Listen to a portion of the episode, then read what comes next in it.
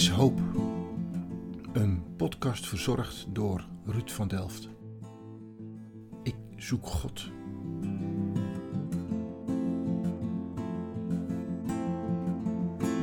Hij leeft, hij raakt aan en hij zet je aan tafel. Je gaat eten. Uh, ik zeg tegen mijn zoon: Is dat dan wat ik geloof? Je luistert naar deel 2 van het interview wat ik had met Otto de Bruyne. Kunstenaar, programmamaker voor de tv, theatermaker, schilder, schrijver en spreker. Geniet van dit tweede deel uit dit drieluik over Otto, de kunstenaar, over hoop. Dus de medische wetenschap was ook aanwezig. Dus dat wonder was ook ja, door mensenhanden heen. Maar hij kreeg 15 jaar erbij. En dan schrijft hij: Gai, Gai. Dat staat er in het Hebreeuws. En de nieuwe Bijbelvertaling heeft het prachtig weergegeven. Die heeft gezegd: Leef, uitroepteken, streepje, leef, uitroepteken. En dan staat er, ik geloof in de nieuwe Bijbelvertaling, wie leeft, streepje, leef, uitroepteken. Met andere woorden, Gai, Gai wil zeggen, ja, je leeft, fijn. Leef dan ook. Ja, ja, ja. Kijk, en dan kom je bij het begrip hoop, hè? Ja, kijk. Want leven is op een of andere manier ingeschapen vooruit gaan in de tijd. He, je, je gaat, goed, we zitten nou te praten, de zin van de net is nu alweer voorbij. Ja. Er komt straks een andere zin. En deze zinnen aan elkaar wordt beleving en die beleving is tijd. Sorry dat het zo filosofisch wordt, maar ik vind het belangrijk, omdat ik namelijk van geweldig overtuigd ben van het feit dat wij uh, ingeblazen naar voren leven. Uh, door, de, door de adem van God, mensen, alle mensen, christenen, niet-christenen, worden gericht op datgene wat zich gaat afspelen. En nou weet ik wel, er is ook angst voor. Er zijn hele culturen die leven in het verleden. Die, er zijn mensen die altijd willen teruggrijpen naar de 50 jaren. Er zijn mensen die willen altijd ja. doen wat hun grootouders deden. Dat weet ik allemaal wel. Traditionele samenlevingen, dat weet ik allemaal wel. Maar toch raakt er een vrouw zwanger. En dan zeg je over negen maanden. Ja. Let op. Ja. En dan komt die nieuwe. En die zal later ook weer zeggen. Er komt er weer een nieuwe. En dus er zit ons ingeblazen naar voren leven. Zou je dan mogen zeggen van uh, alle mensen zijn christenen, alleen er zijn er een heleboel die dat niet weten? Uh, nou ja, allen die oprecht naar de waarheid gezocht hebben, hebben Christus gezocht. En velen wisten niet dat het Christus was. Zoiets. Dat is heel universeel, dat is heel groot. Maar het christendom is natuurlijk ook. Um, uh, het christendom, ik hou niet van het woord. De weg van Jezus, noem ik het. De weg van Jezus is wel de weg van waarheid en van leven. Um, de dat, ware weg van leven. Ja. Is dat het onderscheid? Onderscheid wat? Ten opzichte van uh, overige wegen?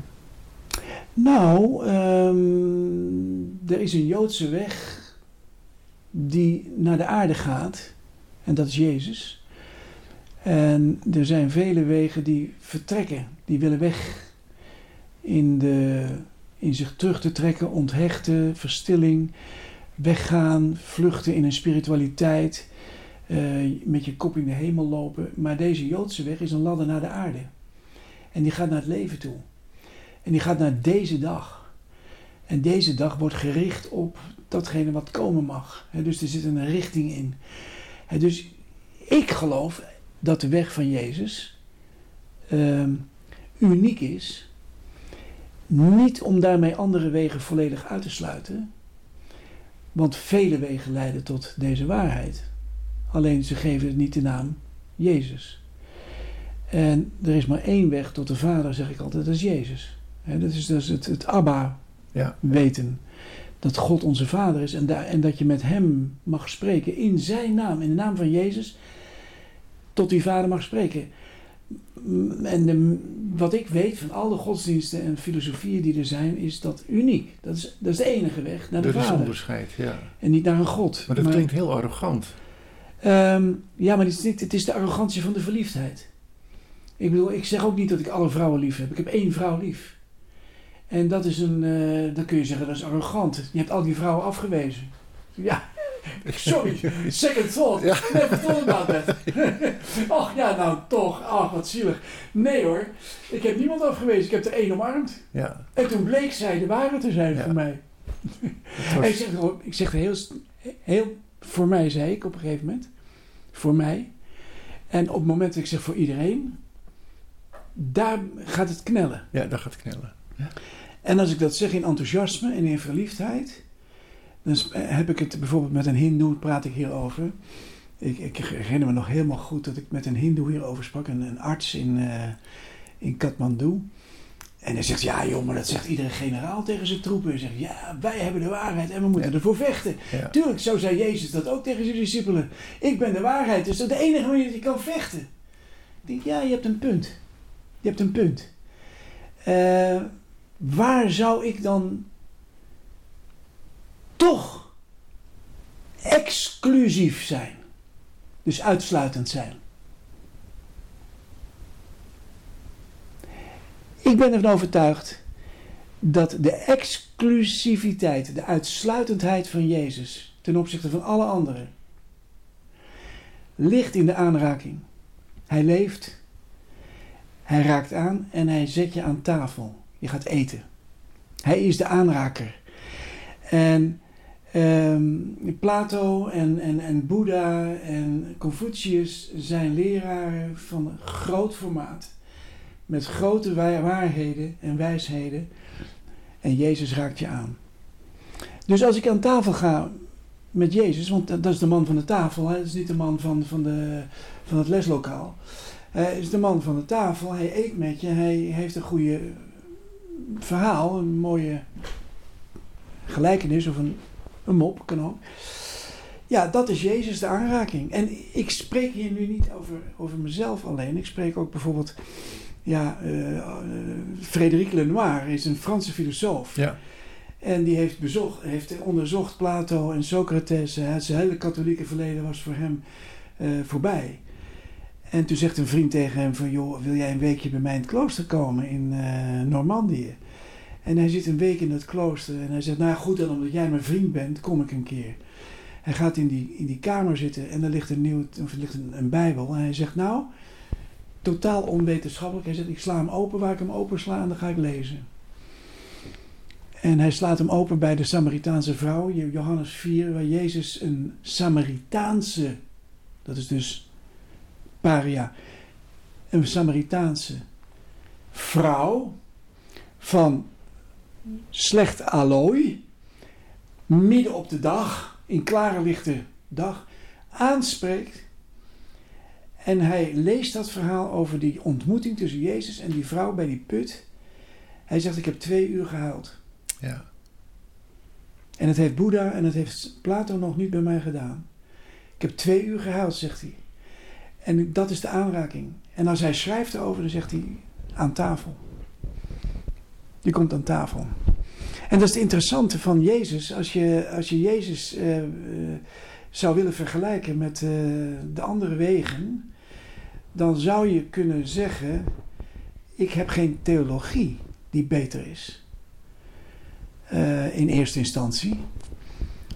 maar ik heb een ervaring. Ja die ik wil vasthouden in traditie.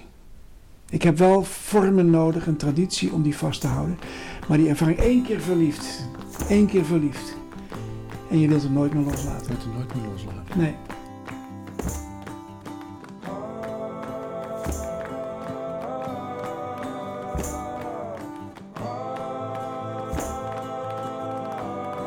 En, en nou, ik ben nu 72. 71 zeg ik, want mijn vrouw is 72. Iedere keer doe ik een jaar bij om gelijk en met haar. Nee, maar ik ben 71. Maar, nee, moet luisteren. Het gekke is, ik sta vorig jaar met mijn oudste zoon bij de klaagmuur in Jeruzalem. Ja. En ik, hij heeft een stoeltje voor me neergezet, want ik kan niet staan. En, en we staan daar samen. En ik kom op deze leeftijd tot de conclusie dat die aanraking ver weg is. Maar ik zal bij die klaagmuur staan. En ik stop er een briefje in. Zo is die verliefdheid gegroeid. Eh, ik zeg tegen mijn zoon: Is dat dan wat ik geloof? Dat ik bij een muur sta en dat ik weet dat achter die muur een realiteit is, maar dat ben ik niet. En ik heb geen contact. Er zijn zoveel stiltes tussen mij en God. Ik heb een goede verstandhouding met een streepje onder verstand.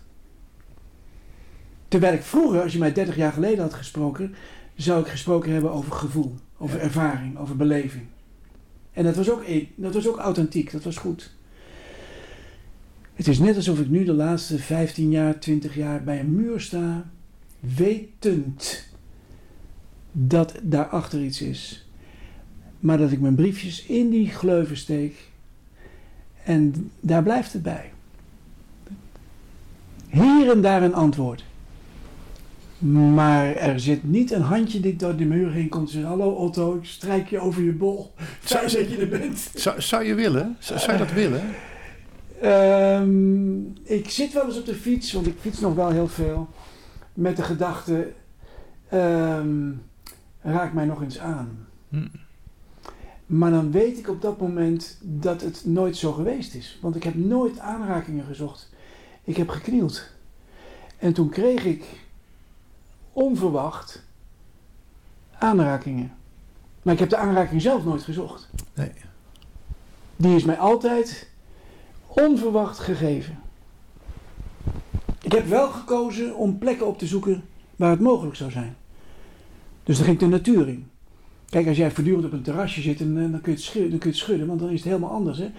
De mensen moeten wel, ik, laat ik het maar over mezelf houden, ik moet wel de stilte in. Ik moet wel de natuur in. Ik moet wel, en het woordje moeten moet je eventjes vrij nemen. Hè? Dan moet je niet, dat is een allergische eh, reactie bij het woordje moeten tegenwoordig. Maar ik moet wel kiezen voor de goede plekken. Ja.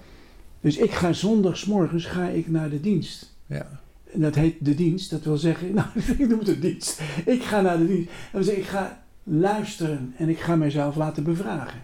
Ik ga spiegelen. Iedere week, hè. Ik heb wel eens gesprekken met mensen die dat helemaal niet kennen.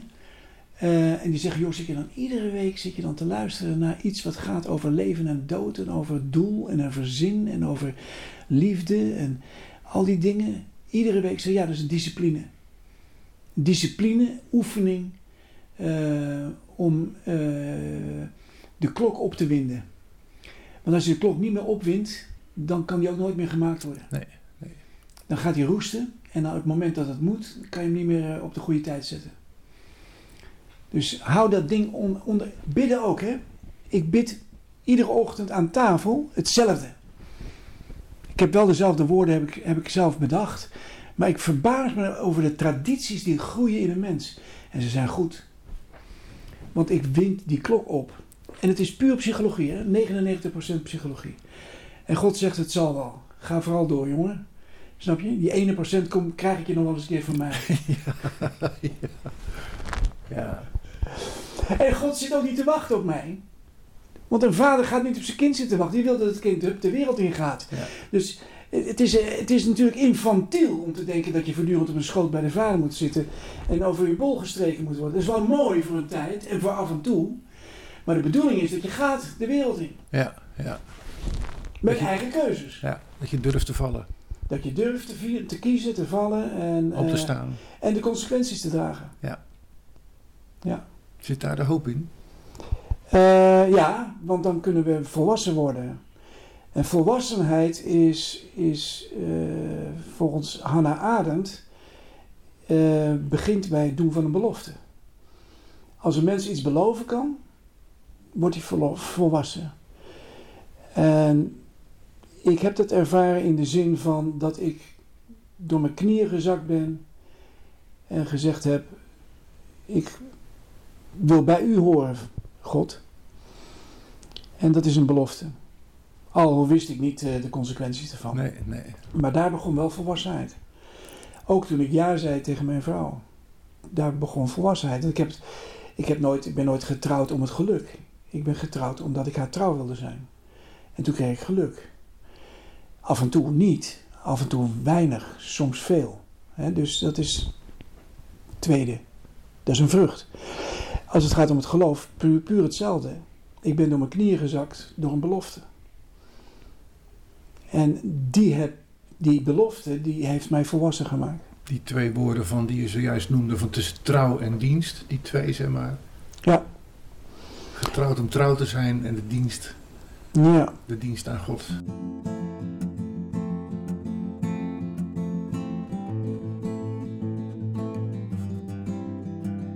Er is hoop. Een podcast verzorgd door de stichting Agape. Motto van de stichting is geloven, groeien en gaan. Geloven omdat we vanuit onze eigen zoektocht mensen willen stimuleren mee te zoeken naar God, mee te zoeken naar mensen en hen ook te wijzen op Jezus. Want wij geloven dat God betrouwbaar is en de moeite waard om te zoeken. Groeien omdat we mensen zoals jij willen helpen en stimuleren te groeien in de relatie met Jezus en zijn leerling te worden. Gaan, we sporen mensen zoals jij aan om anderen te helpen ontdekken wat het is om te leven met Jezus. We leren je om je leven te delen in je eigen omgeving of de plek waar God je naartoe stuurt.